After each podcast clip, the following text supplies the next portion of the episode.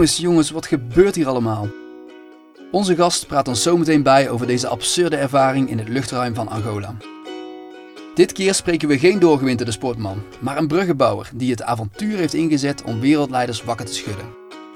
Teun Meulenpas stapte zonder enige fietservaring samen met vriend Jilt van Schaik in Amsterdam de fiets op. De eindbestemming? Kaapstad.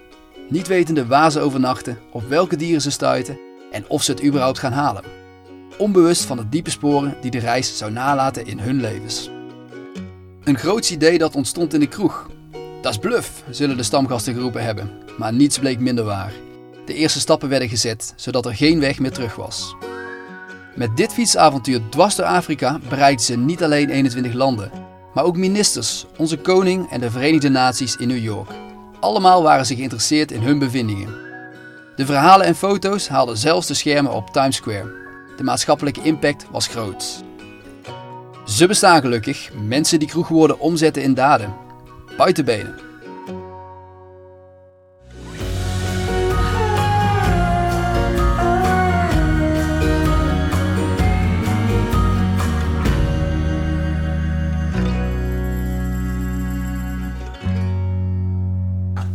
Hey uh, Teun, Gené, ik heb uh, zojuist op opnemen gedrukt. Yes. Dus in principe kan uh, de derde aflevering van de Buitenbenen podcast beginnen. Yes. Hey, en Teun, volgens mij heeft René zich een beetje in jouw LinkedIn profiel verdiept. Dus ik denk dat René moet beginnen met zijn, okay.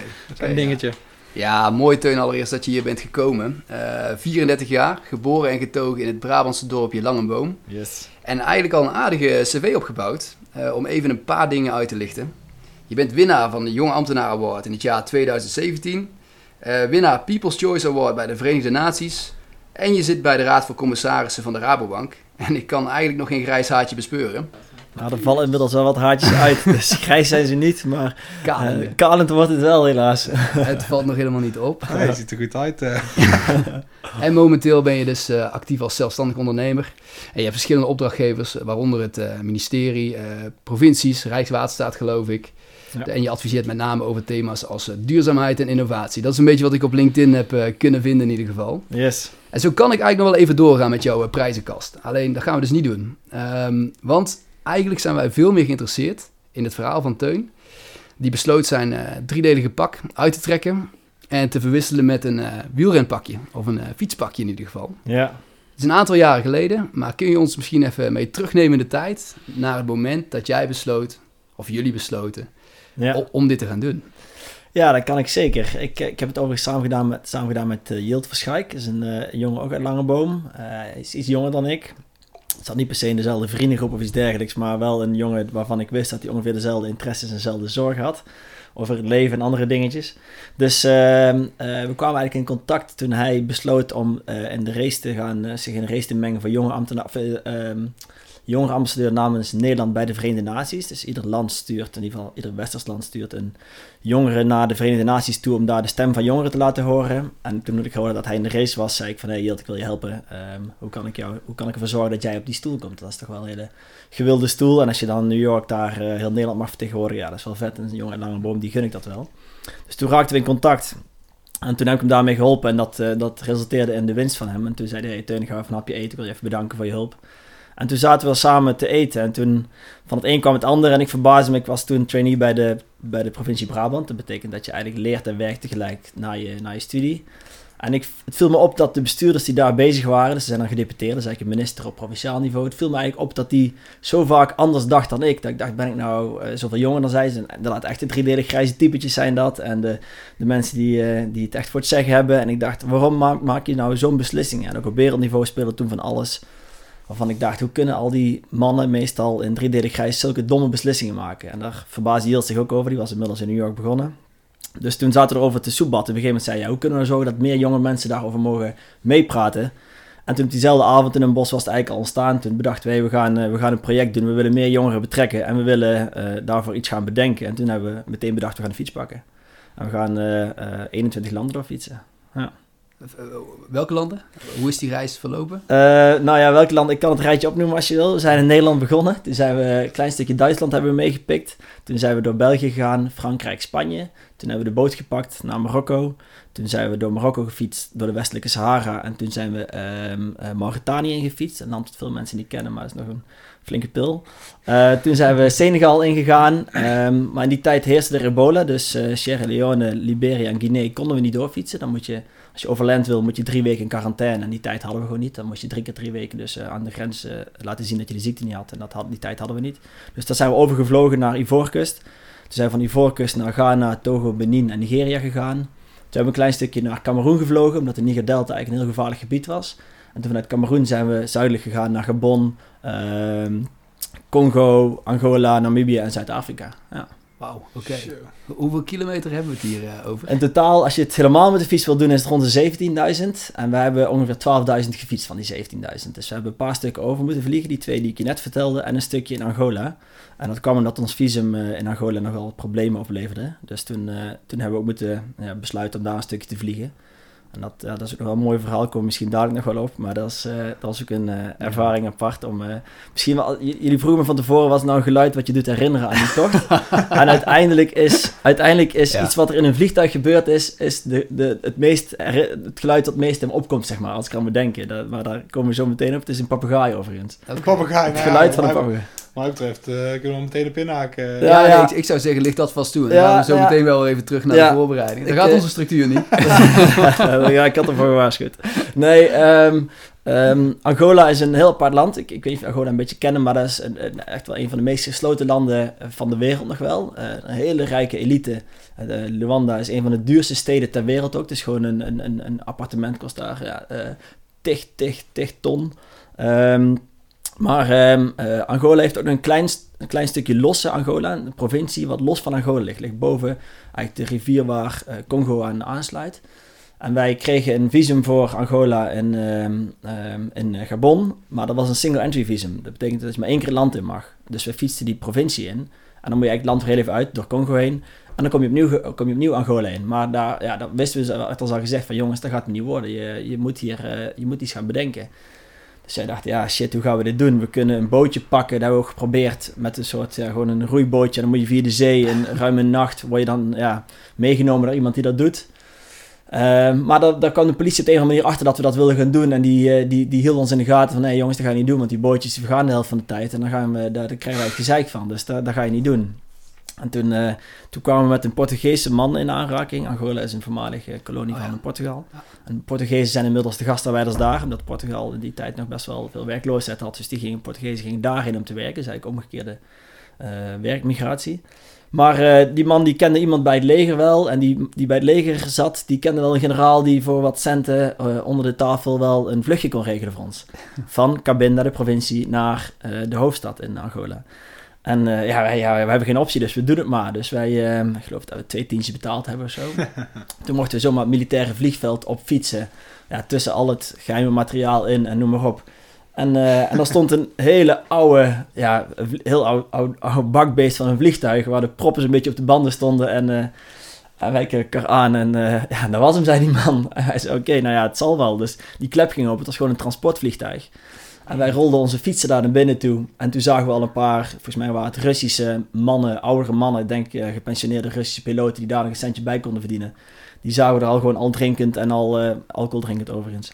Rondzwabberen en doen. En dat waren onze piloten. En uh, dus wij rolden onze fietsen, we waren als eerste daar, dus wij rolden onze fietsen, dat vliegtuig heen was gewoon zijn laadklep achter open. En we zaten er goed en wel in. Toen werd er alles ingeschouwd, behalve militair materiaal natuurlijk. Dus die generaal was ondertussen goede handel aan het drijven. Maar die werd, werd meubilair ingeschouwd en van alles. En op een gegeven moment ook een aantal van die wat stevigere Afrikaanse dames en van die gewaden. Maar je kon zien dat ze er nooit gevlogen hadden. Dus die begonnen al met bidden en kruisjes slaan en uh, wat in paniek. En toen kwam er ja, denk een stuk of 10, 15 militairen kwamen er ook bij. Um, maar die hadden ook allemaal flink gezopen. Die hadden zelfs van die kleine uh, ja, soort zakjes alcohol in hun zak. Ja, ja. het was allemaal, allemaal dronken. En wij dachten, ja, wat gaat hier nou gebeuren? En jullie waren verder... Uh, wij waren nuchter. Ja, wij waren, wij waren absoluut nuchter. Wij helaas waren, wel, helaas wel. Ja, precies. Dat was misschien onze redding geweest. Maar goed, en daar stond één papegaai in een kooi in, in de lucht, in, in de ruim, zeg maar. Het was gewoon, er zat er geen bankjes in of zo, dus wij moesten gewoon op de grond gaan zitten, fietsen erbij gezet. En die papegaai, ja, die was een beetje geluid aan het maken, maar op een gegeven moment, um, uh, ja, hoe begon het? Volgens mij kregen twee militairen ruzie in het ruim. Terwijl de piloot op punt stond om te gaan. Dus die klep ging achter dicht. En toen begon een ruzie tussen twee militairen. Maar die begonnen echt gewoon te mappen en te slaan recht voor zijn neus. En riemen gingen uit en te slaan. En die papegaai die begon al iets meer paniek te voelen en, en geluid te maken. Maar goed, die klep ging dicht en dan is het ook bijna donker. Je hebt dan een paar kleine kiertjes waar je wel licht doorheen krijgt. Je ziet bijna geen hand voor ogen, maar je hoort die papegaai heel hard en je merkt dat er gevochten wordt. En je voelt het vliegtuig begint te versnellen. Dus ik dacht, ja, wat gaat hier nou gebeuren? Dus op een gegeven moment ging het voor zo lomp die vechtpartij. En die piloot denkt, weggewezen hier. Dus die begint vaart te maken. Maar al wat er in dat vliegtuig lag, lag aan de rechterkant zo'n beetje gewoon opge, opgestapeld of op elkaar gegooid. Dus die piloot begint vaart te maken. En, maar de vliegtuig trekt zich hout loskomt van de grond meteen helemaal naar rechts. En die piloot corrigeert met een veel te heftige ja, stuurbeweging, zeg maar, naar links. Dus meteen liggen we onder de rotzooi. Die vrouwen rollen door, door het ding heen. Die papegaai flikkert om en die begint met partij te krijsen. Nou, ik, ik, ik dacht echt, ja, dit is het einde gewoon. Ik dacht, ja, die, die bocht die we nu maken, die, die vleugel gaat die grond raken, zeg maar. Dus, dus Jilt en ik ook onder onze fiets en onder de meubels schreeuwend wel. En, en wonder boven wonder, die papegaai alleen maar krijgen. Wonder boven wonder kreeg die piloot het ding onder controle. Dus wij ons een beetje onder die meubels uitgeklommen en gedaan. En die vrouw, ja, die waren al bang om te vliegen. Je kunt je voorstellen dat ze toen helemaal een trauma kregen. Dus Jilt die ging die vrouwenmatroos, die zat op een gegeven moment met drie, vier van die dames als, een soort, als een soort troostende heer zat hij ze te, te vermaken om toch maar iets te maken. Maar ik dacht echt, dit is niet normaal. Maar de geluid van die papegaai, die had zo'n paniek, terwijl iedereen paniek had. Maar die kwam er gewoon het vels bovenuit. Dat was echt onvoorstelbaar. En op een gegeven moment, nou ja, het was mijn vlucht van een uurtje, denk ik. En wij, uh, wij, uh, wij mochten voorbij, wij gingen op een gegeven moment, waren overheen gekropen naar voren, naar de cockpit toe. En dan zaten ze een beetje rustig te vliegen. Gewoon zo'n tom-tom-achtig ding, allemaal geen professionele apparatuur en zo. Gewoon een beetje te kijken waar ze heen moesten. En op een gegeven moment knallen ze op de grond en wij tillen onze fietsen eruit en we denken weggewezen hier. Dus wij lopen de, dat schuine deelte af van, die, uh, van dat vliegtuig en voor ons land, recht voor onze neus naar een straaljager. We denken, ja, wat de fuck is dit? Dus, het is echt onvoorstelbaar wat er allemaal kan in zo'n zulke landen. Andere wereld. Uh, ja, dat is echt een andere wereld. En uh, ik dacht echt even, wow, what the fuck, dit is hem gewoon geweest, zeg maar. Dan zijn we heel die tocht gaan fietsen en overlijden we in een vliegtuig, zeg maar. ja. Dat is wel redelijk ironisch. Maar, uh, maar we zijn veilig geland en toen waren we veilig aan de grond en toen zijn we verder gaan fietsen. Ja. Okay. Maar was je van tevoren uh, voorbereid op dit soort risico's? Hoe, hoe stonden jullie er van tevoren in? Hebben jullie nagedacht over risico's? Ja, nou ja, wel degelijk. Nou ja, nou wel degelijk. We hadden, we hadden wel wat mensen om ons heen verzameld die ons hielpen met de tocht. Dus we hadden ook uh, een jongen die voorheen, vooraf eigenlijk wat, wat risico's in kaart bracht per land. Dus ook wel van dieren kun je treffen. Wat moet je doen als je een slang in je, in je, in je boxershort hebt zitten na een, uh, na nachtje in de wilde natuur. Uh, maar... Nee, uh, die had wel risico's in kaart gebracht. Maar als ik eerlijk ben, denk ik dat we toch redelijk naïef zijn gestart. Dus uh, uh, je, je, je denkt van, nou, we hebben wel een beetje onder controle. Maar je moet zoveel regelen, want we hadden dus een heel project eromheen bedacht. Wat eigenlijk veel meer tijd van ons vergde dan dat we met fietsen zelf bezig waren. Dus het fietsen was voor ons een, een, een middel om een bepaald doel te bereiken. En um, nou, als het fietsen doel op zich was geweest, hadden we daar meer tijd en professionaliteit in gestoken. Dus bij ons was het gewoon meer op een gegeven moment, ja, de laatste avond was het nog spullen bij elkaar, proppen in die tas en gaan, zeg maar. Terwijl je eigenlijk wil dat je gewoon helemaal de dag eraan start. Dus dat was redelijk ad hoc allemaal. Maar um, ja, enigszins bewust van de risico's. Het is ook wel het moment dat je van wel zegt bij het wegfietsen, dan denk ik wel, ja, fuck, het is wel een redelijk heftige tocht. Dus ik ga hopen dat ik, uh, dat ik heel huis thuis kom. Maar niet, niet, uh, niet, niet, niet, niet in de zin van ik, uh, ik, ik dacht dat ik niet ging overleven of zo. Want als ik er niet aan begon, ik ben niet zo, niet zo gek. Nee, dat, nee. Want we hadden net van tevoren, voordat we begonnen, al even over, over de fiets die hier staat. Mm -hmm. Je had in Koga, zei je? Ja, klopt. Daar begin je neem ik aan mee. Je koopt, ja. je koopt ja. een fiets. Nou, kopen in ons geval gelukkig niet. Oh. Uh, nou, ik zal heel even in één seconde het doel te lichten. Wat wij, ik wilde was, de, de Verenigde Naties zouden een nieuwe agenda aannemen. Die hebben ooit de millenniumdoelen aangenomen, waarin ze eigenlijk een aantal doelen beschreven voor een betere wereld in 2015. Die waren toen met name geënt op de toen nog uh, zogenaamde derde wereldlanden. Dus landen die wat verder... Ja, verder, uh, verder, ontwikkeld, verder minder ver ontwikkeld waren. Um, en toen zou er in 2015 zou er een nieuwe agenda aangenomen worden voor de wereld in 2030. Dus die agenda, de eerste agenda zou vervallen en er zou een nieuwe agenda aangenomen worden. En die ging over de hele wereld. Dus ook over klimaatdoelstellingen, ook over andere dingen hier, uh, gendergelijkheid, nou, al die thema's. En wij dachten dat dat nogal een, ja, een verhaal zou worden van de mannen en vrouwen in New York. Die uh, de wereld vanuit hun concrete jungle ja. beschouwden, zeg maar. En wel even zouden zeggen wat er goed was voor de wereld. Ja. En we dachten, ja, waarom denken, de, de, de, de, een beetje de helft van de wereldpopulatie bestaat uit jongeren onder de 30 of 35 jaar. Waarom zou die zo weinig stem aan tafel hebben, terwijl alleen maar mannen van 50, 60, 70 daar zitten te bedenken wat goed voor ons is. Dus we wilden eigenlijk heel veel jongeren betrekken bij die tocht. Uh, en we wilden lokaal ook verbinding leggen tussen jongeren en beleidsmakers. Dat er een actievere rol van jongeren in, uh, in beleidsprocessen kwam. En uh, goed, dat, dat, was dus het doel. En daar kan ik zo meteen al meer over vertellen. Maar goed, we wilden dus um, fietsen hebben. Want we dachten, ja, hoe gaan we zo'n project starten? Zeg Je bedenkt op een avondje en was onze eerste stap. Wij zeiden, ja, gewoon fietsen fixen inderdaad. Vaak ja. begint iets gewoon bij een eerste stap. En als je dan helemaal van de grond bent, ja, dan ga je automatisch naar de tweede stap. Dus we hadden niet per se een hele outline van deze week dit, andere week dat. We willen een fiets regelen. Dus we zijn gewoon in de auto gestapt, een aantal fietsenzaken langs gereden. En in Ude was eigenlijk nog maar de tweede of derde zaak. Zeiden van, ja, dit is een beetje het idee. En uh, er trof iemand die enthousiast was. Die zei, uh, ja, dat gaan we fixen. Dus uh, een paar weken later mochten we van, ja, ik weet niet, een paar weken later zouden we de boel op gaan meten. Toen kregen we gewoon twee splinter nieuwe Koga World Travelers onder onze kont. Nice. gesponsord. Ja, ja, gesponsord. Ja, in de zin, we kregen ze gewoon in, in bruikleen mee. Dus ze waren splinter nieuw toen ze kregen. En we beloofden als we ze terug zouden brengen in de staat waarin ze waren, zeg maar. en dat hebben we ook gedaan. Maar uh, ja, dat was echt, uh, dat was Vermeulen uit Ude. Echt, uh, nu zit ze volgens mij in Eindhoven inmiddels. Maar echt, en Koga volgens mij zelf ook een stuk mee. Okay. Ja. En heb, je, heb jij je baan opgezegd voor dit avontuur? Want je, je was flink aan de weg aan het timmeren voor je carrière. Nou, ik, heb, uh, uh, ik deed dat traineeprogramma in die tijd dat we bedachten. En toen was dat afgelopen, we ongeveer een klein jaartje voordat we bedacht hadden totdat we vertrokken zijn. En toen liep dat traineeprogramma af en toen kon ik bij twee verschillende werkgevers starten. Was de provincie Noord-Brabant en de gemeente Eindhoven. En toen heb ik gewoon uitgelegd van, nou ja, ik wil eigenlijk een, uh, binnen een half jaar alweer een half jaar onbetaald verlof nemen. En toen zei de provincie, nou ja, de, de, de, we denken dat je wijzer terugkomt en die, die tijd gunnen we je wel. Dus toen heb ik een paar maanden gewerkt. Toen ben ik een half jaar weg geweest en toen kon ik daarna weer terugkomen. Ja. Dus... Um, ja, uh, onbetaald verlof genomen en uh, daar stemden ze mee in. En dat, was wel, dat is natuurlijk super leuk dat ze daarin mee willen denken. Ja. Wat zei jouw vriendin toen je deze plannen had? Ja, hoe reageerde jouw omgeving erom, laat ik het zo zeggen? Ja, ik, ik, ik, ik, ik, ik had van tevoren natuurlijk wel wat landen bereisd en gedaan, maar ik was niet per se een super avonturier. Dat ben ik nog steeds niet, zeg maar. Ik ben niet uh, iemand die ieder jaar de fiets opspringt of te paard door weet ik het wat gaat, of te voet of al rennend heel, de, heel de wereld over rent. Maar goed, ik had dat bedacht dat het idee dus. En ik geloof dat ik het s'avonds meteen tegen Fieke heb verteld van, nou ja, Fieke, het is niet per se een, een vraag of een, het is gewoon een mededeling. binnenkort, binnenkort ga, ik, eh, ga ik op de fiets zitten en dan ga ik naar Afrika fietsen. En natuurlijk wordt er dan gelachen en gedaan, maar gaandeweg de rit uh, werd snel dat ik dat wel serieus was. En uh, ja, en nee, er is niemand die, die me dan, uh, uh, of niemand in mijn omgeving wordt je dan gesteund. En dat is wel heel leuk om te merken. En iedereen helpt mee en denkt mee, dus dat is wel, dat is wel tof. Dus uh, wel zorgen natuurlijk, bij mijn ouders met name zijn nogal bezorgde typetjes. En ja, die, uh, die zijn terecht dan bezorgd om mijn zoon die, uh, die een avontuur aangaat. Ja. En um, zijn jullie gewoon op de fiets gestapt of heb je nog wel een beetje voorbereid enigszins? Dat was het plan, maar zoals net al zei, het project werd groter dan de voorbereiding.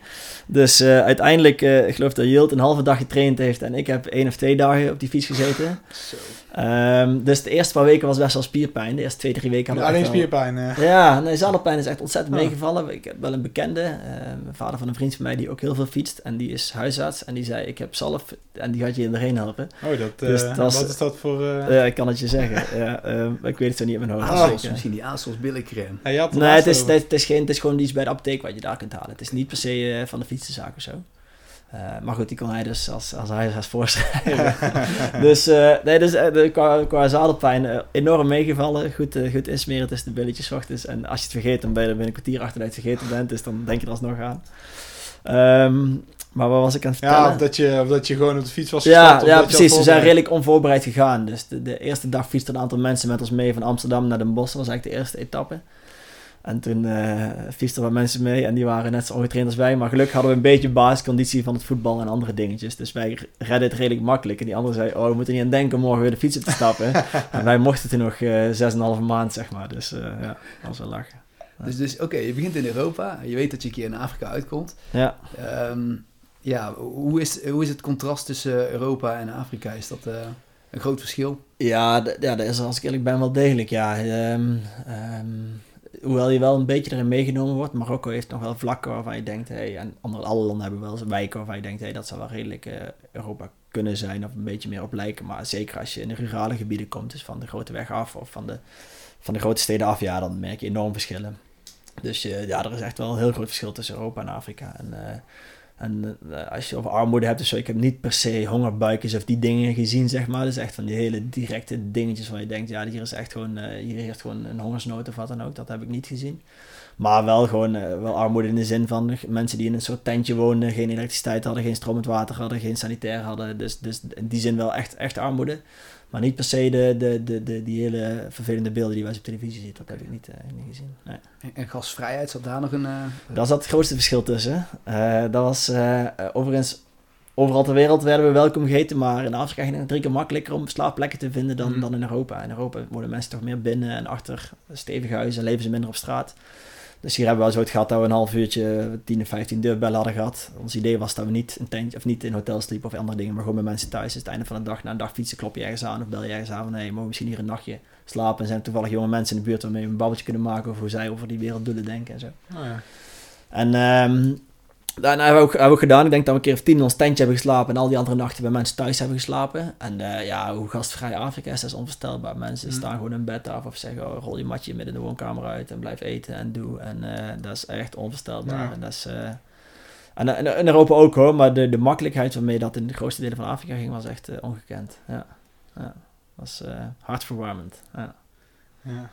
Nou, ik heb de afgelopen jaren die trip uh, gemaakt in uh, Tajikistan en Kirgizië. En dan hadden wij precies hetzelfde. Dat we ook overal gewoon uh, binnen konden lopen wanneer we wilden. Ja. Mee eten. Ja, ja. Koekjes kreeg je mee, eten Ja, mee. precies. Morgen is en ze wilden er ook echt geen geld voor hebben. Nee, nee, gewoon, nee, nee, precies. Nee, precies. Dat, gasvrijheid daar is echt ongelooflijk. Ja, dat is echt wel, wel tof. En, en ik denk dat de fiets er ook wel het juiste middel voor is. Hè? Dus je komt redelijk ontwapenend aan. Als je met een auto van 4x4 aankomt, dan kom je al met een nou ja, dan heb je al een pak van weet ik hoeveel geld onder je ja. kont en je hebt uh, relatief geen energie verspild. Maar als je totaal bezweet onder het stof uh, met, de, met de tong tussen je spaken daar, uh, daar aan komt zetten, ja, dan laten mensen je heel snel binnen, zeg maar. En dan zijn ze nu benieuwd wat het verhaal is ook, zeg maar. Dus op een gegeven moment ben je zelf wel een beetje moe van je eigen verhaal. Je moet dan heel vaak vertellen wat je aan het doen. En iedere dag opnieuw, zeg maar. En bij die mensen is iedere dag nieuw, dus tuurlijk wil je dat vertellen en natuurlijk wil je er enthousiast over bij vertellen. En daarom is het soms eens in de, ja, laten we zeggen, zoveel nachten ook wel fijn om gewoon een tentje op te gooien en te slapen. Maar ja, daar hebben we maar een keer of tien hoeven doen, dus uh, ja. Wat was de, want je had het erover dat je bij de, bij, bij de mensen thuis ook graag met de jongeren sprak. Was er nog een groot verschil ook tussen, tussen wat ze in Europa aangaven en uh, in Afrika over plannen, wereldplannen en dergelijke? Nou, nou dat, viel op zich wel mee. Wat er eigenlijk als voornaamste zorg uitkwam voor veel jongeren was dat ze gewoon een fatsoenlijke baan kregen. En dat was hier in Europa die tijd ook nog best lastig om een baan te krijgen. De tijd daarna dat was, uh, was het wel juist heel makkelijk, maar die tijd was het nog best wel pittig om een baan te krijgen. Dus ook hier uh, heerste relatief grote werkloosheid onder jongeren. Dus met name van hey, hoe, ja, hier um, kun je ook van steeds later een huis kopen. Veel jongeren kopen steeds later een huis, met later een fatsoenlijke baan hebben, ze een hypotheek op kunnen vestigen en noem maar op. Dus, en die zorg die was in Afrika ook heel erg. En natuurlijk wel anders gedreven. Dus hier was het allemaal relatief. Dus je kon bij je ouders blijven wonen en je zat relatief in een sociaal vangnet van, van overheden die hielpen. En daar betekent het gewoon echt gewoon uh, geen geld en helemaal geen stappen kunnen zetten. En zeker uh, als je ziet dat sommige, nou ja, sommige gebieden al die jongeren naar de stad trekken. Dat, dat, veel, door klimaatverandering zie je gewoon dat veel rurale gebieden um, um, zo veranderen in, in, woestijnen bijna, waardoor er geen landbouw meer bedreven kan worden, waardoor, waardoor jongeren naar de stad trekken. En meer jongeren in de stad is niet per se meer werk in de stad, maar meer werk zoekende in de stad. En dat levert ook wel de problemen op. Dus uiteindelijk zijn fatsoenlijke banen toch wel de grootste zorg van de jongeren eigenlijk over de hele tocht gebleken. Ja. Zijn er rurale gebieden? Rurale, ja, eigenlijk gewoon uh, plattelandsgebieden, zeg maar. Oh, zo. Dus, uh, ja, dus je hebt stedelijke gebieden, dus rondom een stad. En, en ruraal is dan meer de, de, okay. de gebieden tussen steden in. Ja, ja, ja, ja, En hoe was de dynamiek tussen jou en je compagnon? Ja, dat is ook een interessante. Nee, is het nog je compagnon? Ja, nou, hij is voor, voor week. een biertje dronken op het Waalstrandje in Nijmegen. Dus nee, zeker. We hebben daarna nog zelfs samen een onderneming gestart. En uh, nee, we hebben heel goed contact nog altijd. Nee, dat, is, dat ging verbazingwekkend goed. Ik denk dat, het, uh, um, ik denk dat vrouwen daar moeilijker in zouden zijn dan mannen. Mannen zijn over het algemeen... ik, kan, uh, ik kan uit ervaring spreken dat ook Man, mannen... Ja, ja, ja, ja, vooral jullie heb ik wel eens gehoord. Ja, dat is ook bizar. Dat is ook een podcast waard overigens. Want nee, ja, ook mannen kunnen, kunnen heivel krijgen. Nee, maar tussen Jilt en mij ging dat verbazingwekkend goed. We hebben, we hebben een half uurtje ruzie gehad in het half jaar. Oh, kijk. En dat was, we hadden één laptop bij maar. Eén laptop maar.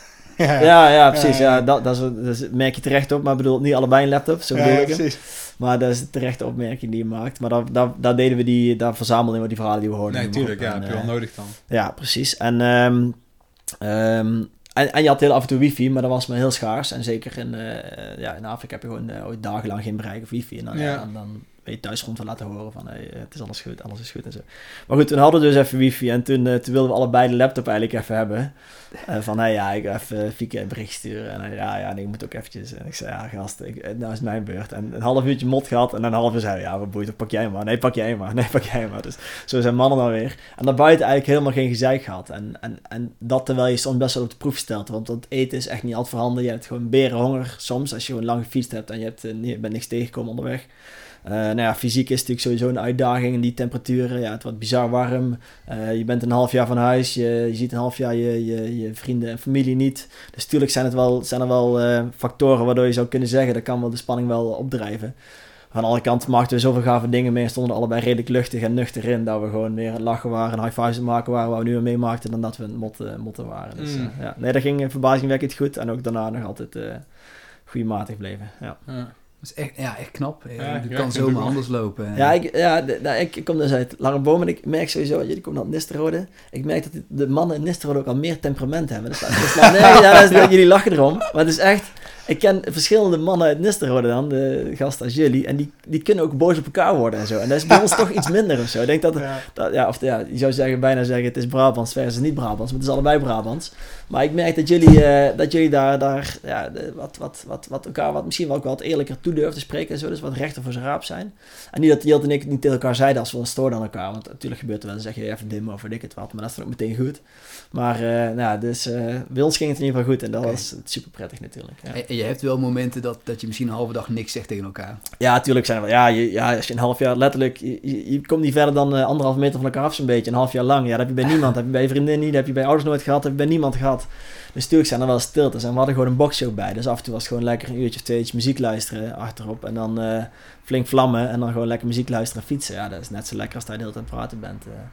En je hebt natuurlijk, ja, je maakt veel mee in een half jaar tijd. Eigenlijk veel te veel om te verwerken. Dus je, bent, je hebt wel iedere, iedere keer in Nederland, ja, als je 21 landen hebt gehad, heb je wel meer dan genoeg gesprekstof, zeg maar. Overal ontmoet je mensen, overal, uh, ja, overal zijn dingen gaande, overal zie je dingen, overal zie je dieren, overal, nou ja, verzin het. Ja.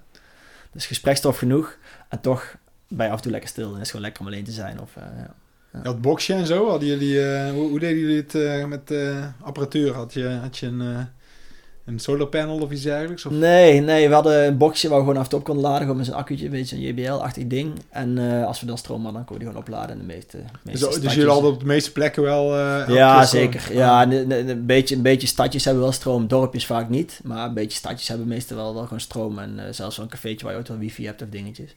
Maar ik had me zo voorgesteld dat jullie echt gewoon af en toe een paar dagen lang door een of andere woestijn of zo... Jawel, ook wel. Jawel, dat komt voor. Jawel, ja. zeker wel. Namibië en zo echt wel dagenlang dat je geen, niks tegenkomt. En dan moet je ook bewust je tentje opzetten om gewoon te gaan slapen in plaats van dat je uh, er bewust voor kiest, zeg maar. Maar nee, het is de, ik denk dat het langst is dat we twee dagen of zo niks gezien hebben en de derde dag zien we al wat. Ja, dus, en dat ja, we hadden we verder bij. Ik had een, in mijn naaf zat een dynamo waarmee een USB-stick kan mijn telefoon eens oh. opladen. Dus de navigatie zat gewoon okay. in de fiets. Kan er een USB-poortje.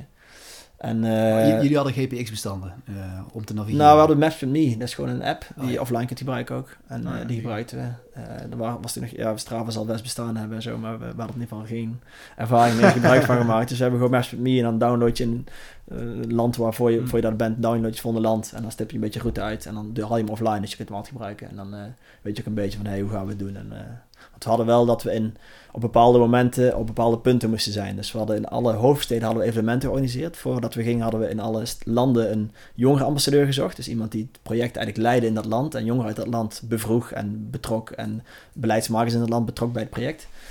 Dan wisten we bijvoorbeeld, die en die datum moeten we Marrakesh zijn, om die en die datum moeten we Nouakchott zijn, die en die datum. En daartussen hadden we relatief veel vrijheid. Dus dan hadden we drie weken om van punt A naar punt B te komen.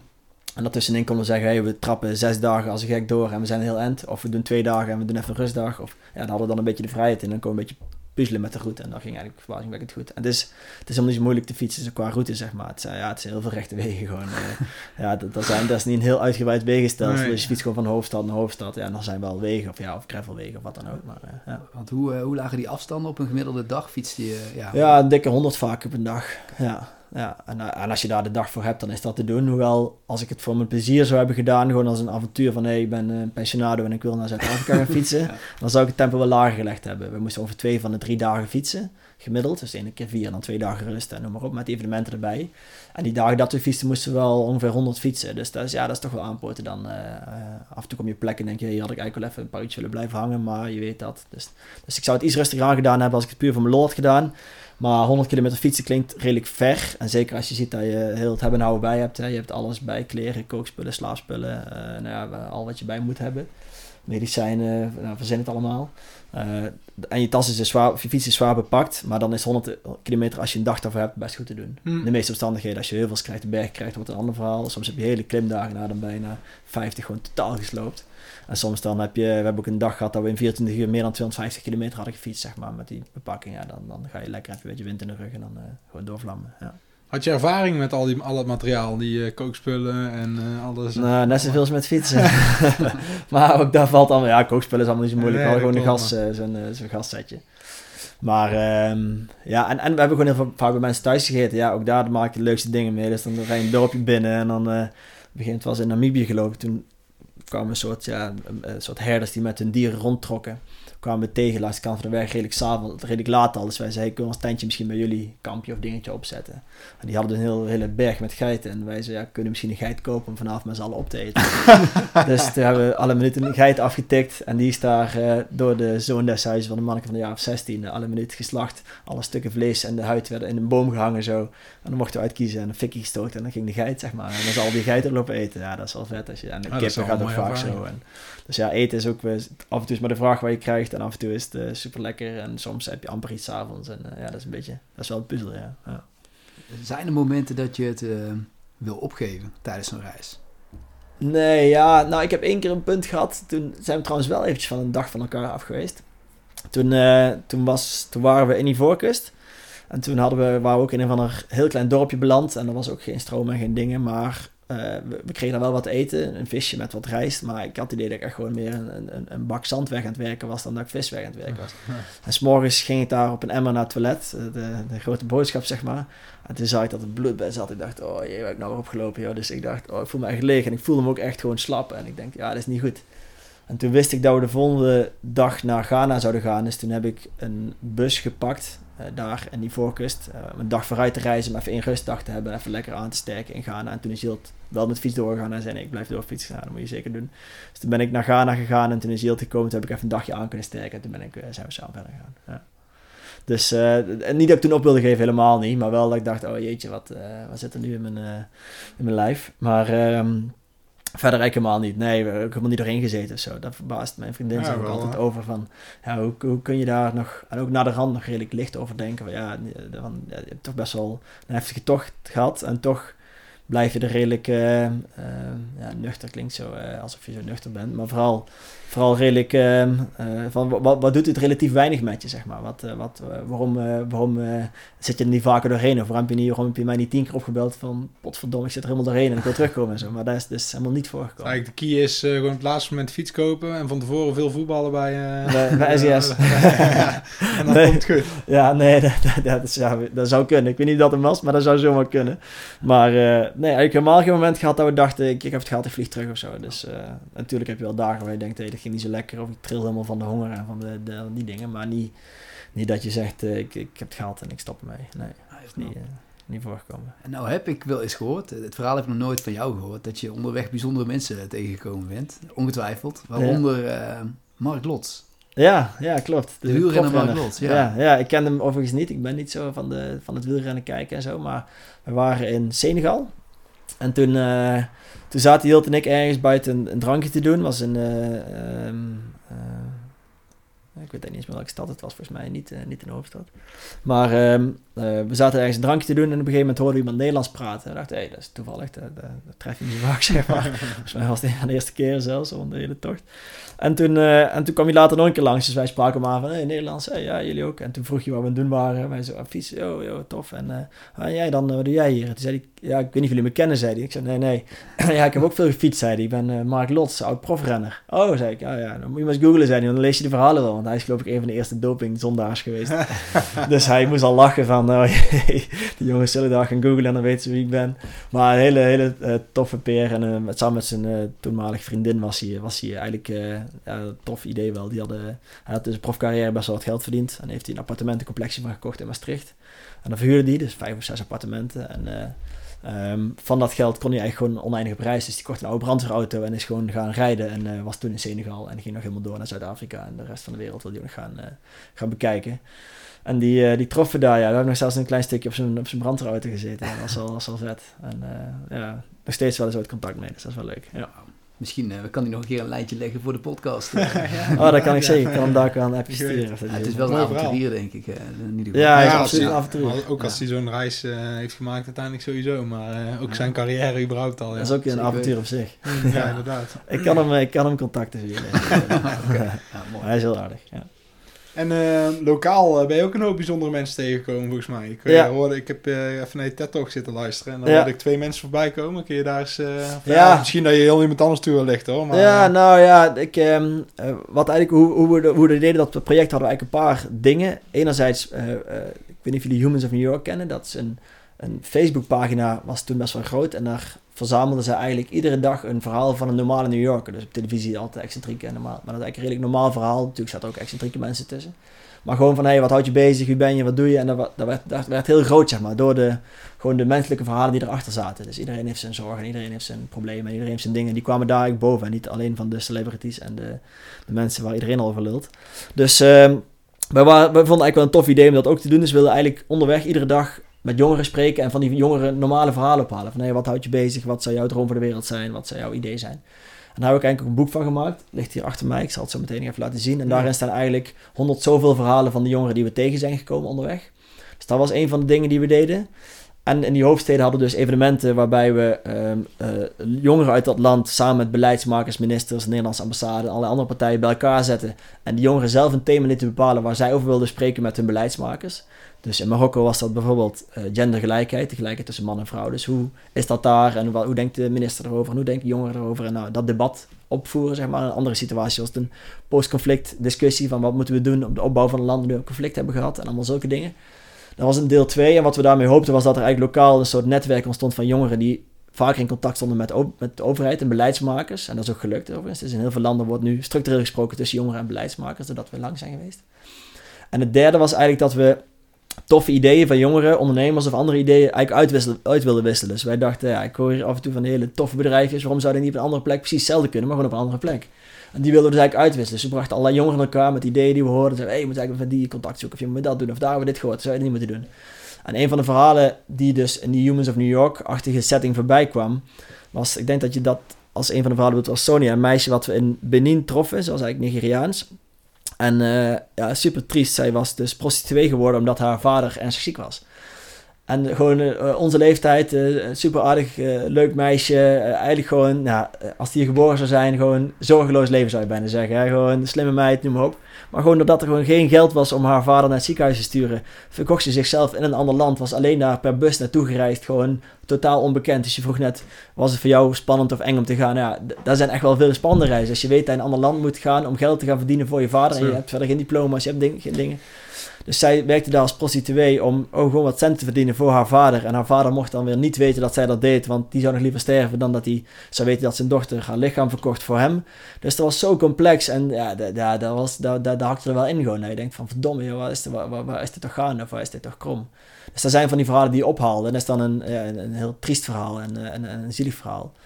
Aan de andere kant hoor je ook prachtige verhalen. In ieder geval mensen die er iets moois van maakten. En dat was... Uh, Aimee in, in Togo, dat is een meisje van uh, ja, ook eind 20 toen.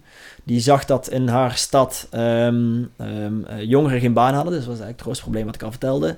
Uh, kinderen geen onderwijs kregen. Dus basisonderwijs was eigenlijk uh, een beetje verdwenen. Of was nooit geweest zelfs. En ze zag heel veel plastic op straat liggen. Gewoon afval. Dat, zijn natuurlijk geen, dat is geen fatsoenlijk afvalsysteem. En zij bedacht erop van... Hey, als die jongeren nou eens dat plastic laat verzamelen... Die, dat plastic omzetten in andere grondstoffen, andere dingen... dat weer vermaakt tot producten, daar geld te verdienen en daar met dat verdiende geld kinderen naar school sturen. Dus dat had eigenlijk alle drie problemen in één aangepakt. En dat deed ze gewoon. Dus ze had daar gewoon een schooltje waar inmiddels, ja, ik, ik weet de exacte aantallen niet, Mhm. waar gewoon een paar honderd basisschoolkinderen zaten, dankzij haar. En ze verdiende geld door plastic van de straat te halen. En de plastic van de straat kwam door jongeren die geen baan hadden. En ik dacht, ja, wat is dit nou? Hoezo, hoezo, hoezo slim ben jij, zeg maar? Hoe, hoe heb je dit voor elkaar weer te boksen? En ook gewoon niet een idee van, hé, hey, ik wil dit en dit gaan doen. Nee, het stond er gewoon. Ja, dat was zo vet. En dan denk je even later van, ja, ik zie hier ook een optering zo op straat liggen. Ik zie hier ook jongeren die rondhangen en geen baan hebben. Ik weet niet hoe het hier met school zit, maar eh, zou je niet eens met haar gaan bellen? Of zou je niet eens met haar gaan... eh, ja, en zo proberen dus ook dat te doen. En daar zijn de verhalen die je tegenkomt. Maar ja, je komt natuurlijk ook allerlei andere mensen of stammen tegen. De Himba's in eh, Namibië. Ja, dat, Yield rook ze, dus waarschijnlijk hebben zij ons ook geroken. Maar die hebben gewoon andere lichaamsgeur en die, gebruiken een soort klei als een soort zonnebescherming. Dus, die, dus op een gegeven moment zei Yield, ik, ik, ik ruik hier mensen, of ik ruik iets, zeg maar, terwijl het best wel middle of nowhere was. En toen stonden we even stil en toen kwam er één keer een groepje mensen aangerend, een paar vrouwen. Uh, en die dragen geen bovenkleding, dus uh, het, het, rammelde zeg maar. en uh, ja, en, en, en, en, die, ja, en ik, ik, in het begin denk ik van, oh shit, wat gebeurt hier zeg maar, want ze zijn ook helemaal ja, uitgedost als hemba's. Ja. Misschien moet je maar een keer googlen, maar ze zien er ja, heel authentiek uit. En, uh, maar goed, wij, wij, stonden daar dus en die, die dames waren volgens mij net zo benieuwd naar ons als wij naar hen, zeg maar. Dus, voor, voor, volgens hun zagen jullie er ook authentiek uit. Ja, precies. zij, zullen net zo, ja, zij zullen net zo geschrokken zijn van onze gekke outfit en, uh, en uh, een lycra broekje en noem maar op. Ja, maar, uh, maar goed, ze begonnen dus ja, een beetje onze tassen te snuffelen. Oh, is dit nou een beetje open te maken? Volgens mij geen met, niet met kwade intenties. Maar wij dachten heel even, ja, hoe moeten we hier nu mee, zeg maar? Waar moeten we, we gaan ze niet wegduwen of we gaan niet agressief doen, maar ik heb ook geen zin dat hier heel mijn tas uitgepakt wordt en ik dacht de helft van mijn spullen kwijt Dus wij begonnen te fietsen, een beetje weg te fietsen. En zij begonnen achter ons aan te rennen. Maar we kregen zo de slappe lach dat we ook weer niet konden fietsen van het lachen. Nou ja, en toen moesten we nog heuvelen op ook nog. En die dames die moesten van de spanning volgens mij net zo lachen. Dus dat was zo'n rare, ongemakkelijke situatie. Maar wel super grappig achteraf. Maar uh, ja, dus ja, ik kom van alles tegen. Ja. Van mooie verhalen tot trieste verhalen, tot bijzondere mensen, tot hele leuke, lieve mensen vooral. Ja. Ja. Dit, dit, klinkt dan dat je als uiteindelijk zomaar een stam tegenkwam die, uh, die nog aardige intenties had. Maar mm. uh, heb je andere onveilige situaties? Nee, nee, nee, nee, ik helemaal niet. We hadden wel Mauritanië, waar ik net over had, is wel een land waar, waar nog wel eens mensen ontvoerd worden, zeg maar. Dat is zeker als je in het binnenland in gaat. Um, maar wij bleven redelijk aan de kust, waarvan ons gezegd werd, ja, het Buitenlandse Zaken ministerie adviseert niet om erheen te gaan, maar wij hadden nou, een beetje proberen uit te zoeken of zo goed en zo kwaad als het ging. Nou, dan willen wij toch wel doorheen fietsen en toen zijn we echt gewoon aan die kust weggebleven en dan af en toe haal je auto's in en uh, natuurlijk zijn mensen ook anders gekleed en denk je, oh ja, is dit oké? Maar na vijf auto's zien die, ziet iedereen er zo uit, zeg maar. En denk je, ja, natuurlijk is dit oké. Dat is gewoon hoe ze zich hier kleden. Dus in het begin denk je, oh ja, die zijn helemaal ingepakt en ik zie alleen de ogen nog maar of niet eens is. Gaan uh, je ook achter een pick-up geluid, maar dat, dat, is toch allemaal niet het geval. De meeste mensen zijn zo lief en aardig. Dus in die zin hebben we eigenlijk relatief weinig dingen meegemaakt. En wat we in steden wel eens meemaakten is... Um, en dan heb je, ik, ik weet niet of ik het per se bendes moet noemen, wel jeugdgroepen die op straat hangen, die aan de druk zitten, werkloos zijn. Dan zie je wel, bijvoorbeeld in Lagos in Nigeria, vind ik een hele heftige stad. En dan moet je wel stoppen, zeg maar, vanwege het verkeer. En dan voel je wel dat, dat die jongeren op je afkomen. Denk je, ja, maar, maar, maar is het helemaal oké of zo? En wat onze tactiek een beetje was, was juist om ook gewoon meteen... Uh, meteen naar hun toe te stappen, zeg maar. Als je aanvoelt van niet, niet bang of schuchter over je schouder heen kijken, maar meteen met borst naar voren en heel vriendelijk naartoe stappen. En meteen naar de leider toe. Dus je voelt al snel genoeg aan wie is een beetje de leider van deze groep. En meteen een high five. En hey, hoe is het? Uh, wie zijn jullie? En noem maar op. En meteen het ijs op die manier breken. In plaats van dat zij het gevoel hadden van hé, hey, daar fietsen wat gewillige slachtoffers. Dus we waren daarin. Op een Collectief, moment, uh... ja, ja, niet per se dat we het mannetje uithingen. Maar wel dat we lieten zien van hé, hey, we zijn hier om met goede intenties. Maar we zijn ook niet bang voor jou. Zo. We gaan gewoon samen het gesprek gaan. We gaan er samen uh, over lullen. En, uh, en we gaan ons hier niet te beroveren jou. Zo. Terwijl ze volgens mij die intentie ook helemaal niet hadden. Maar je weet het gewoon niet. Dus dat is altijd een beetje het spel. En dat was een beetje onze tactiek en dat pakte eigenlijk altijd goed uit. Dus gewoon meteen naar de leider toe. En als, als, die, helemaal, ja, als die een beetje voor je hebt gewonnen, dan, is het, dan ben je alleen maar welkom en dan uh, ja, heb je een leuk gesprek vaak. De lullen was dan in het Engels? Of, uh... Ja, meestal in het Engels, maar in veel, veel landen wordt er Frans gesproken. En uh, ja, gruwelijk over lachen, want in die landen kom je dan. dan ja, de, de, die, die jongere ambassadeurs hadden dan wat media geregeld. Dus op sommige, sommige landen werden we begeleid door politie-escorten door de hoofdstad, allemaal die wow. dingen. Dus dan reden alle kruisingen afgezet met politiemotoren alsof wij een stel celebrities waren. En jullie terwijl... fietsten dan ook? Ja, dan, fietsen, ja, fietsen, ja, dan moesten wij er doorheen fietsen. En dan was het wel stil en dan reden al die, die politiemotoren ons weer in. Maar, um, uh, wat was ik aan het vertellen? Um, ja, over uh, dat, de taal, hoe dat je... Oh ja, precies. En, en, en, en dus die maakte er nog wel van. En daar kwam dus ook media op af wel eens. Maar dat was dan Franstalige media. En ja, met, een, een beetje Frans spreken we wel, maar niet dat je denkt, nou, dat is echt van Ja, hoogstaand niveau. Dus dan kwam zijn camera naar je toe en dan begon ze Frans. En dan, ja, dan keek ik Hilt aan en Hilt keek mij aan van, doe jij maar. en dan gingen we ons beste Frans daar een beetje praten. Dus dat was dan Frans. En anders is het gewoon een beetje handen en voeten. Dus, eh, ja, dus sommige jongen wijzen gewoon aan van ik heb hier last en eh, dat kan niet naar het ziekenhuis en dat is niet mogelijk en ik heb er geen geld voor. Dus ook af en toe is het gewoon wat, ja, de wat handen en voeten taal. Maar eh, Engels, Frans of handen en voeten, ja, dat is een beetje wat we doen. Hm. Ja, als jullie met eh escorts begeleid worden door de stad, dan klinkt het voor mij alsof jullie missie eh, best wel eh, succesvol is geweest.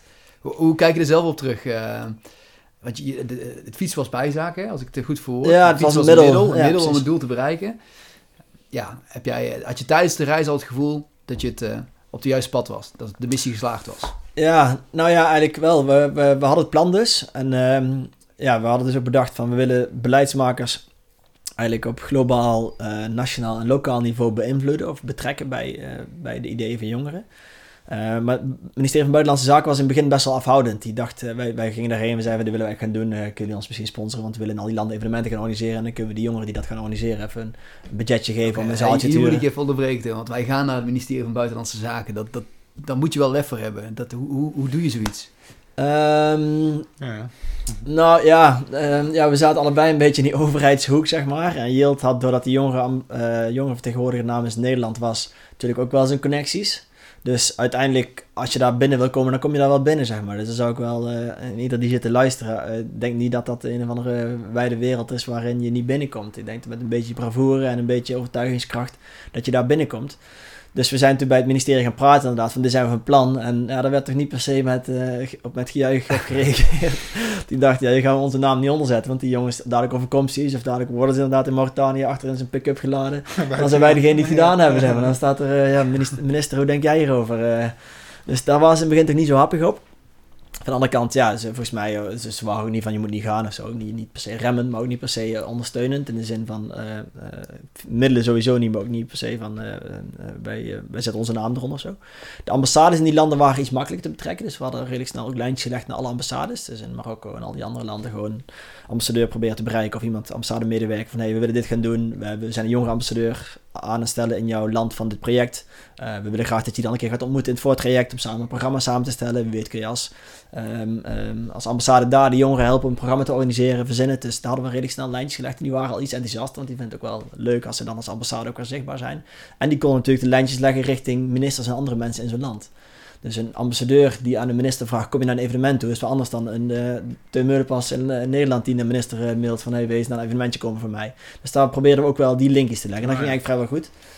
Dus um, uh, ja, de, de, de, de, de, de, het ministerie was niet zo happig. Maar goed, gaandeweg de route werd het project steeds serieuzer. En toen werden ze toch wel een beetje geïnteresseerd. Uh, dus uh, op een gegeven moment kregen we dus ook contact met minister Koenders, toenmalig minister, en minister Ploemen.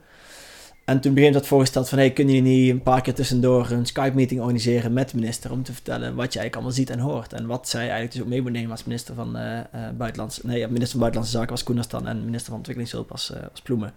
Dus dat, dat, dat, deden we af en toe. Dus bijvoorbeeld in, volgens mij was dat in Mauritanië, hebben we bijvoorbeeld een keer met, met de minister gesproken. En dat heb ik ook in die, in die TED-talk verteld. Maar dat was wel een momentje waarop wij dachten, hey, wat tof dat het enigszins begint te werken. Toen, uh, toen uh, kregen we, um, toen hadden we in Marokko een jongen getroffen die vertelde dat hij de boot wilde gaan pakken naar Europa. Dat was in de tijd dat heel veel jongeren verdronken, of uh, Afrikanen in ieder geval, verdronken in de zee tussen Europa en, uh, en, en, Afrika.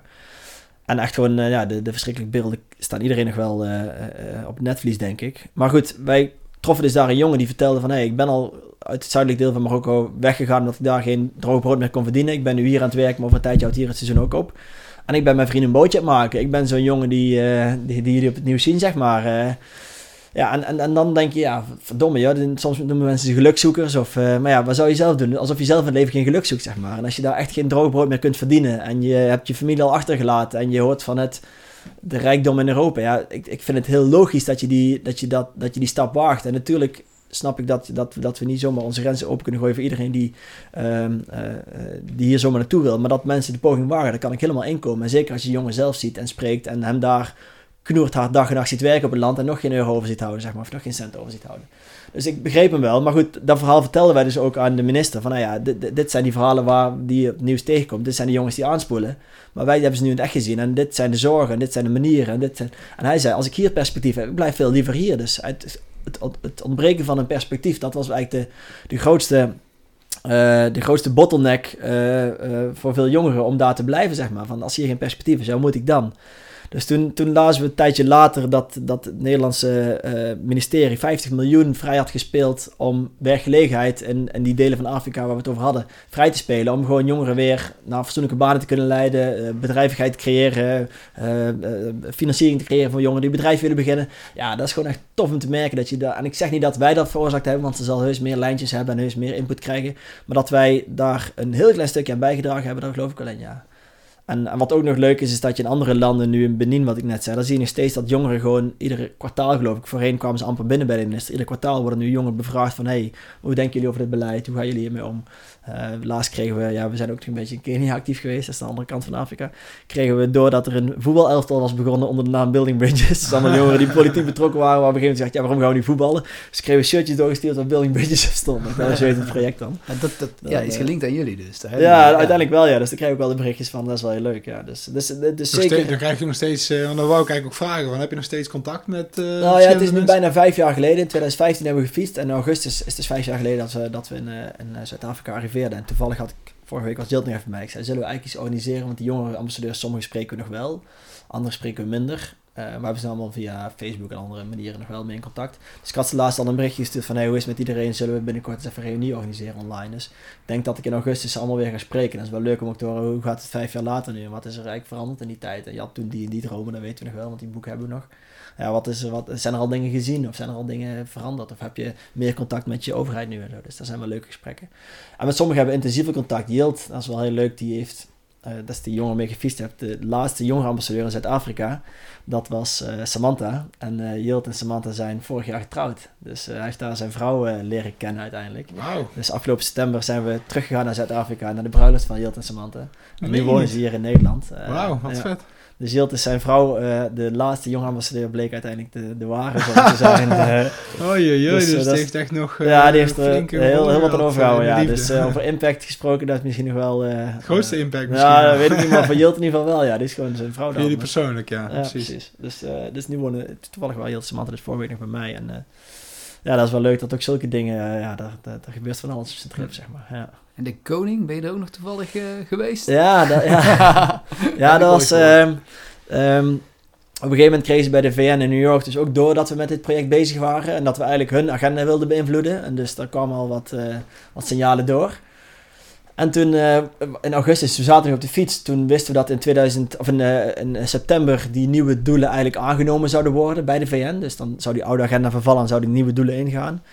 En we hadden de, daar dus al die verhalen over opgehaald en gezorgd dat die via de... Want Nederland heeft dan ook weer een, een soort ambassadeur van Nederland bij de Verenigde Naties. Dat is iemand die dan Nederland vertegenwoordigt bij de Verenigde Naties. En dan hadden we ook al flink lijntjes mee, dus die informeerde wel regelmatig. Je moet je letten, dit moet je zeggen, dit zijn de zorgen, noem maar op. En die, die bracht dus ook al in bij de VN. En op een gegeven moment werden zelfs in de Veiligheidsraad besproken. Dat is zeg maar het hoogste orgaan van de wereld. Dus, ja. dus als er ergens echt wow. de pleuris uitbreekt, dan wordt de Veiligheidsraad bij elkaar geroepen van hey, dit, uh, dit moeten we gaan tackelen of hier moeten we iets gaan interveneren.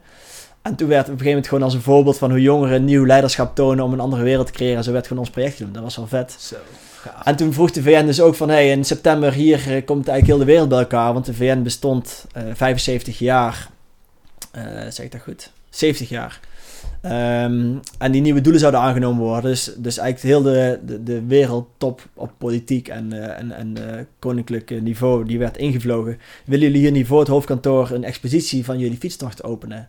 En daar groepen rondleiden, dus ministers en andere mensen, van, met, te vertellen wat jullie gezien en gehoord hebben. Ja, natuurlijk willen dat. Dus wij waren nog een paar weken thuis, maar toen kon alweer het vliegtuig naar New York.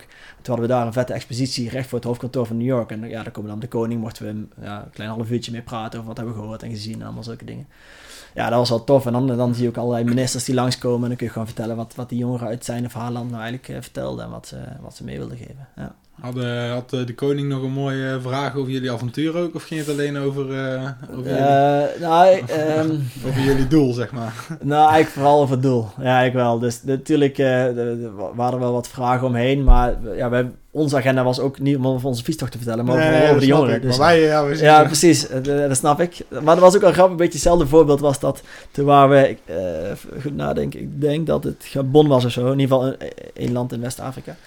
En daar mochten wij dus ook bij de minister komen toen wij in dat land waren. En toen, eh, toen kwamen we bij de minister en toen zei de minister... Nou, Jilt en Teun, welkom. Jullie zijn er wat knap, wat goed. Jullie hebben al die landen doorgefietst. Jullie zijn Gabon doorgefietst. Vertel eens wat je hier gezien en gehoord hebt. en Wat moeten wij leren?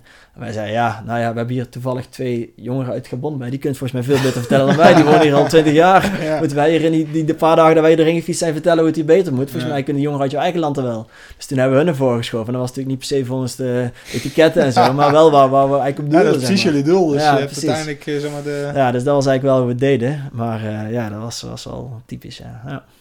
En wat zijn nou een beetje de, de ervaringen die je hebt meegenomen of de, de lessen, de conclusies die jij hieruit gehaald hebt uit deze reis? Ja, nou ja. ehm, ehm, nou, ik, ik, ik, ik- ik- van tevoren dacht ik ook, ja, twee jongens uit Langeboom, een klein eh, gat in Brabant. ehm, eh, prachtig gat overigens, maar wel klein. En eh, ehm, eh, hoe, hoe, kom je, hoe krijg je überhaupt invloed, zeg maar? Maar goed, je moet jezelf dus vooral niet onderschatten als het gaat om het, om het hebben van invloed. Dus ehm, als je denkt van, ja, wie ben ik nou en noem maar op. Ja, dat dachten wij net zo goed. En toch kom je uiteindelijk bij allerlei mensen om tafel waarvan je denkt, hé, die kunnen mij een stap verder helpen. Dus wees niet te bescheiden in het hebben van dromen en in het hebben van, van, van, van idealen. Ehm, want je denkt vaak, ja, dat, dat, dat, is voor die hoge pieven, weet ik het wat. Maar ja, gewoon als twee, twee langboomse gasten kan dat net zo goed. Ehm, wat ook wel iets is waar, waar ik achter ben gekomen, is dat zo'n eerste stap enorm belangrijk is. Dus de eerste stap, wanneer het van een idee naar een concreet plan gaat, maar. Dus die fiets wij hoorden van, hey, die fietsen gaan jullie krijgen, want wij wisten wel, ja, we moeten fietsen hebben.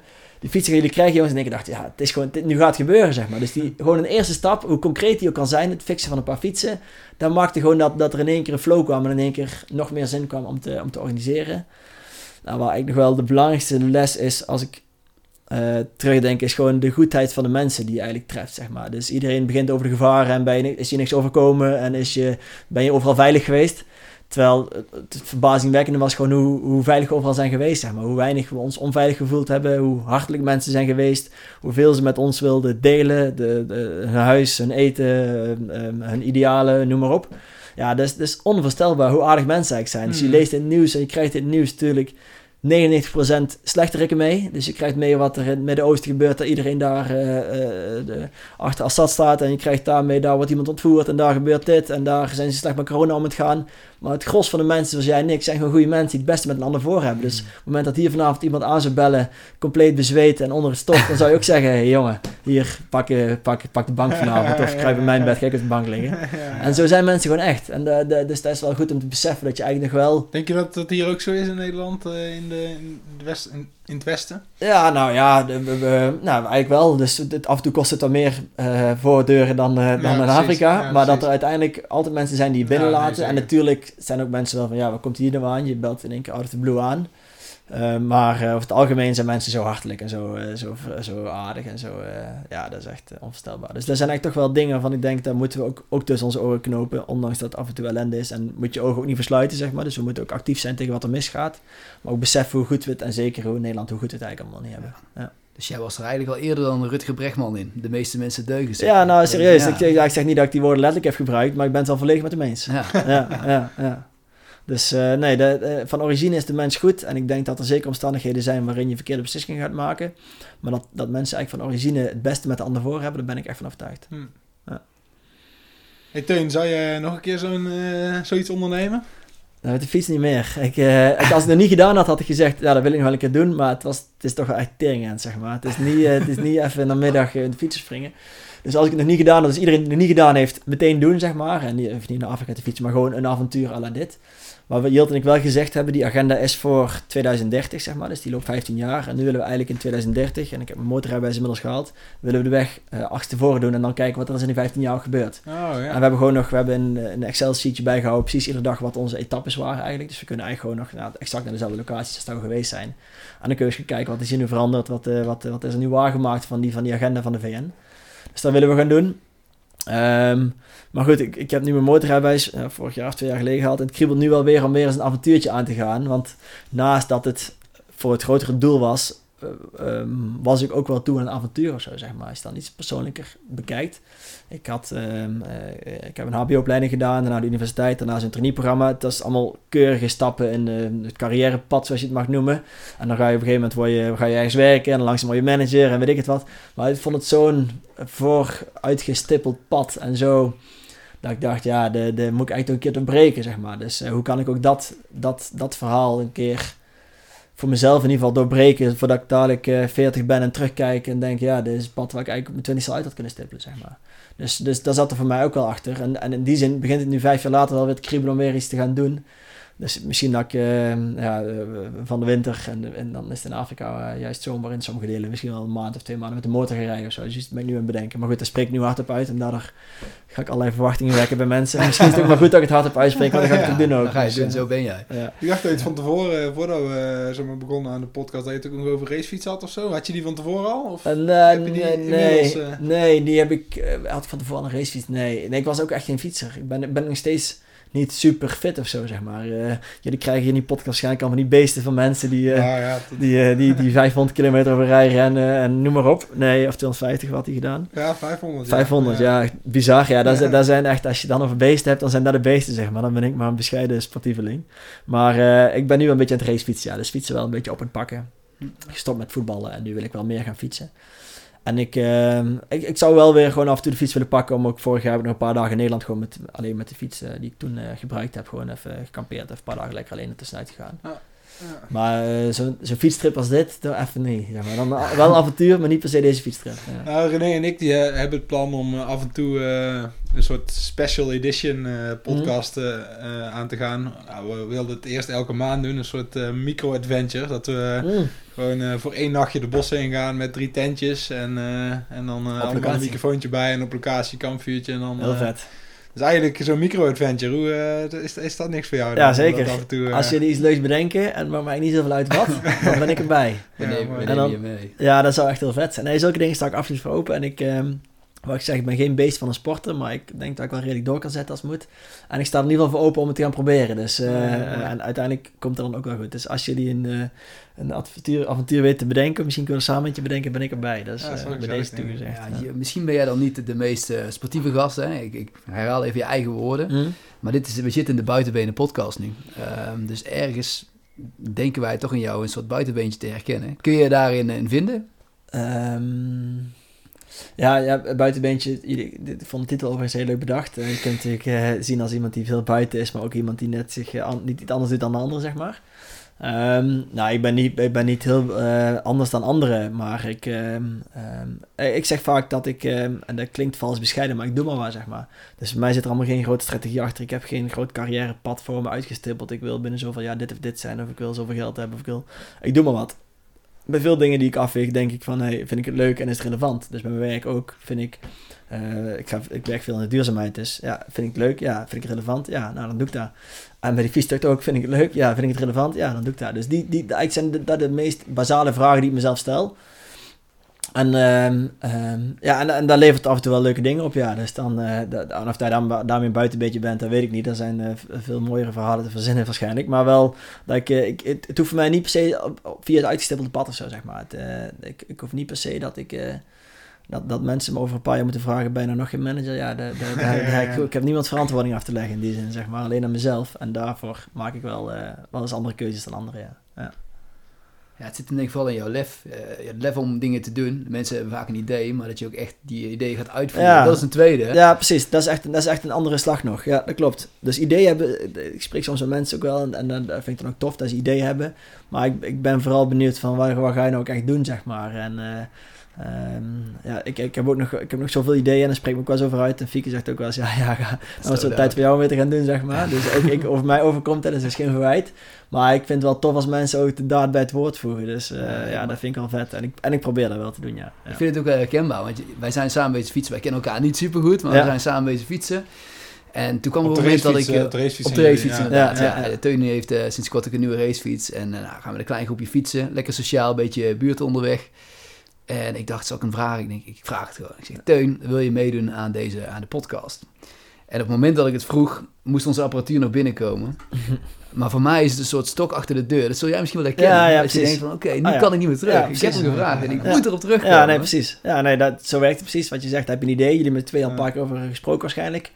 Ah, ja, vet, moet ik doen, ja. Ja, moet ik doen. En heel veel mensen later dan bij. Ja, En jij zegt, hey Teun, wil je dat? En ik zeg ja. En dan denk je, oh ja, nu heb ik iemand toegezegd eh, dat we het gaan organiseren. En ja, dan, vervolgens ben je waarschijnlijk aan het zoeken naar spullen om, te, om, om, om het op te nemen. En eh, voor je het weet ben je in de slag en ben je met die derde podcast bezig. Ja, ja, hoe zit vet die- is dat? Ja, dat, dat zie ik bij jou ook niet, want eh, we- achter Teun, eh, Teun als je omdraait zie jij, Ja, wat, zie je staan? iets. Omschrijf het eens even. Eh, ja, wat staat hier? Een, eh, een giant racefiets. Mooi fietsje, maar vooral helemaal omgebouwd. Er zit een soort, ja, ik heb vroeger nog wel eens asperges gestoken. En dat- die moesten we in een kratje doen. En zoiets, zo'n kratje is ervoor opgemaakt met, ja, ik weet niet eens, met tie of zo, maar ook nog zo'n zo'n hangbeugel voor je armen, echt zo'n triathlon, eh, zo'n triathlonbeugel. En heel veel bidons. en nog meer tassen. En ik heb begrepen, Nick, maar dan ga ik jou interviewen, dat jij met dit ding 24 uur aan een stuk wil gaan, eh, gaan rijden. Ja, nou, jullie hadden het net over die stok achter de deur. Nou, die, dat, bij deze is echt... Die is opgenomen. Die ik, kan had ik echt hier- niet meer ik dacht, terug. ik doe het op deze manier. Ja, precies. Ja. Nee, anders had jij niet het ook gedaan, Nick. Ja, ja, nee, het lijkt, me- het lijkt me wel een, een mooie uitdaging. eh, een soort combinatie tussen de vorige gast, eh andere Ja, Teun, die, ja. eh, die 500 kilometer ging rennen. En jij eh, hebt een flinke t- fietstocht gemaakt. Ja. Nou ja, 24, ja, ik weet niet, 24 uur lang op de fiets zitten zonder af te stappen. Dat was mijn idee. Ja. Maar het is wel een heel gedoe, want je moet toch zeker wel 10 liter water mee. En, eh, dus ja, ik zit inderdaad op... Nou goed, leuk eh, projectje. Ja, maar, ik eh, vind het heel vet. Ja, lukken. zijn, eh, dit zijn leuke projectjes en eh, daar word je nooit stommer van. Nee. Eh, We gaan het zien. ik ken jou niet zo goed, maar als ik je zo zie, denk ik dat lukken ook nog. Nou, je wou je op de hoogte. Ja, En, sowieso. eh, ik weet niet of, dat- of dat jij, of, of misschien had René nog iets specifieks, maar ik wilde sowieso aan jou vragen of wij nog iets gemist hebben.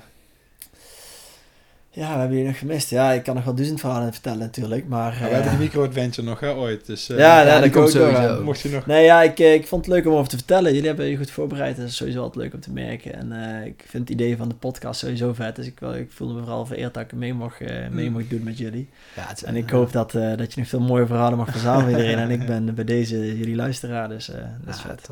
We hebben al een beetje een beeld van jou gekregen. Voordat we dit gaan afsluiten, hebben we nog één onderdeel. Het is een nieuw onderdeel. Ik heb nog wat dilemma's voor jou opgeschreven. Ah ja. Ehm, dus ja, je moet een keuze gaan maken tussen twee dingen. Twee uitersten die misschien allebei goed bij je passen of niet. Dus ik ga gewoon beginnen en zeg maar Ja. wat, wat, welke, van de twee, eh, wel- welke van de twee het is. Ja. Fietsvakantie of festival? Festival. De reis of de bestemming? Eh, de reis, ja. ja, ja. Op kop of in het wiel? Eh, in het wiel.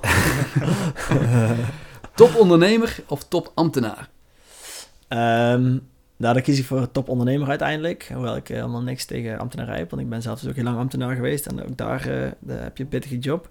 Maar ehm, ik, ik vind het tof om, eh, om een keer nog een onderneming te starten. Of een wat grotere onderneming wel met een, een maatschappelijk doel. Dus niet per se het, het, meer vervaardigen van rotzooi op de wereld. Maar wel iets...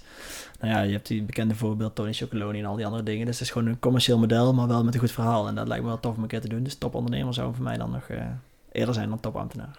Avonturier of wereldverbeteraar? Eh, dan denk ik toch dat ik meer wereldverbeteraar ben dan avonturier. Oké, de laatste, Nijmegen of Den Bosch? Nijmegen. ja, nee, Den Bosch is ook gewoon een mooie stad. Maar Nijmegen, eh, Nijmegen is, eh, Den, Bosch is, Den Bosch is leuk, maar Nijmegen is een iets rauwer randje.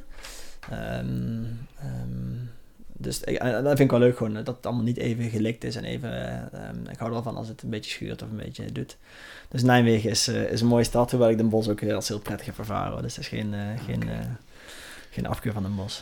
Nou, top. Dit, eh, dit was hem voor ons. Ik denk dat, eh, dat alle vragen eh, beantwoord zijn. Ja, bedankt eh, Teun dat je hierheen wilde komen. Graag gedaan. En, Succes met jullie volgende verhalen. ja, Ja, we gaan er even een biertje over trekken met z'n Ja, allen. Ja, dat gaan we zeker doen. Ik heb er dorst van gekregen. Dat snap ik.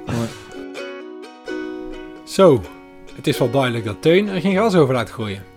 Een echte bruggenbouwer die van woorden daden maakt. Met indrukwekkende resultaten als gevolg. Mooi dat hij zijn ervaringen wilde delen. En leuk dat jij hier ook onderdeel van uit wilde maken. Op mijn manier zou ik graag een bruggetje willen bouwen naar onze volgende afleveringen. Waarvoor we een zeer ambitieuze en gedreven topsportdame en een bijzonder creatieve en acrobatische heer op het oog hebben. Wil jij op de hoogte blijven of meer zien, horen en lezen? Volg dan onze Instagram of Facebook pagina, genaamd Buitenbenen, podcast. Voor nu, bedankt voor het luisteren en hopelijk tot de volgende keer, bij de Buitenbenen Podcast voor het nodige avontuur on the go.